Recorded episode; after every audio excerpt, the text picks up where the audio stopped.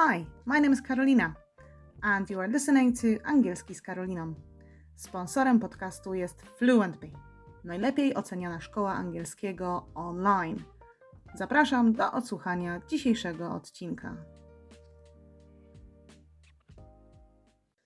Dzień dobry, tu Karolina, lektorka FluentBee. Jaka jest różnica w użyciu must i have to? Czy jest w ogóle jakaś? Hmm.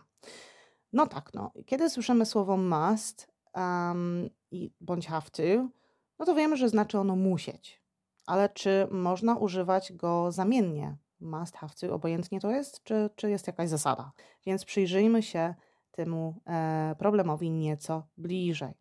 Zacznijmy od must, czyli na przykład, jeżeli podam takie zdanie: I must read this book. I must read this book. It's amazing no to muszę przeczytać tą książkę, bo ma świetne recenzje, wiele się z niej dowiem, no po prostu muszę ją przeczytać. Hmm. Jakiego rodzaju to jest mus? Czy ja sama chcę, czy ktoś mi każe? Ja sama chcę, czyli poczuwam się do takiego obowiązku. E, wychodzi to od osoby mówiącej. Wtedy użyjemy słowa must. Ok. A you must give up smoking.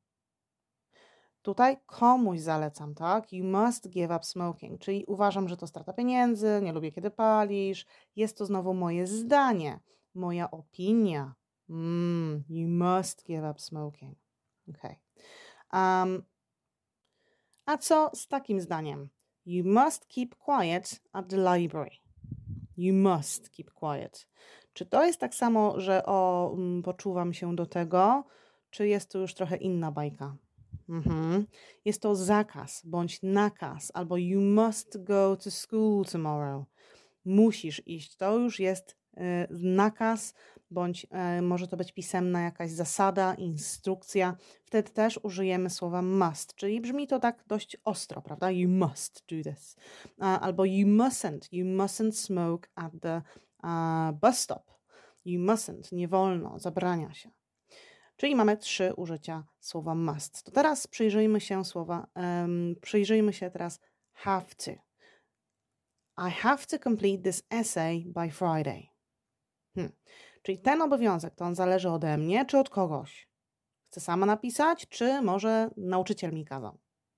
No właśnie, nauczyciel mi kazał. Czyli jeżeli coś muszę zrobić, bo ktoś mi coś kazał zrobić, to tutaj wychodzi jak gdyby a ten obowiązek odgórnie jest nałożony przez kogoś innego na nas, a, czyli pochodzi z zewnątrz. Wtedy użyjemy słowa have to. Nie? I have to pay the bills. Jak nie zapłacę, to mi odetną światło, tak? E, na takiej zasadzie. I have to. Ok. A trochę inne zdanie. Everybody has to wake up at 7 a.m. Everybody. Czyli tutaj mamy, że wszyscy muszą obudzić się o 7 rano. Czyli czy tu nadal jest to odgórny obowiązek, czy zasada jest ogólna i dotyczy wszystkich? Dokładnie druga rzecz. Ogólna sprawa dotyczy, dotyczy wszystkich, więc w tym momencie mamy have to, bo wszyscy musimy zrobić to. I proszę zauważyć, że mamy has w trzeciej osobie, w trzeciej osobie liczby pojedynczej. To zobaczmy, co zapamiętaliśmy. Czyli have to użyjemy, kiedy jest to nakaz pochodzący z zewnątrz. Must od nas wychodzi, od siebie, od osoby mówiącej. Have to może być do, do odgórnych, um, have to może być do zasady taka, takiej dotyczącej wszystkich. Ha, e, must jest to jakiś nakaz, zakaz, tak? Ok. No to zastanówmy się nad takim zdaniem. Musisz zobaczyć ten film. Jest świetny. Hmm. Must czy have to? Must. Jeżeli Państwo słuchaliście, to na pewno wiecie, że będzie must. Dlaczego? Ponieważ polecam, to jest moja opinia, to raz, a dwa, że ja uważam, e, ja czuję, że Ty musisz obejrzeć ten film, zobaczyć ten film, więc będzie wtedy must, bo ja tak czuję.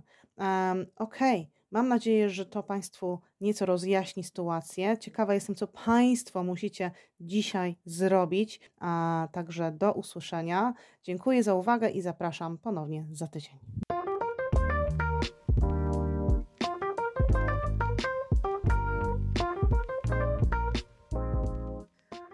Hi, my name is Karolina and you are listening to Angielski z Karoliną.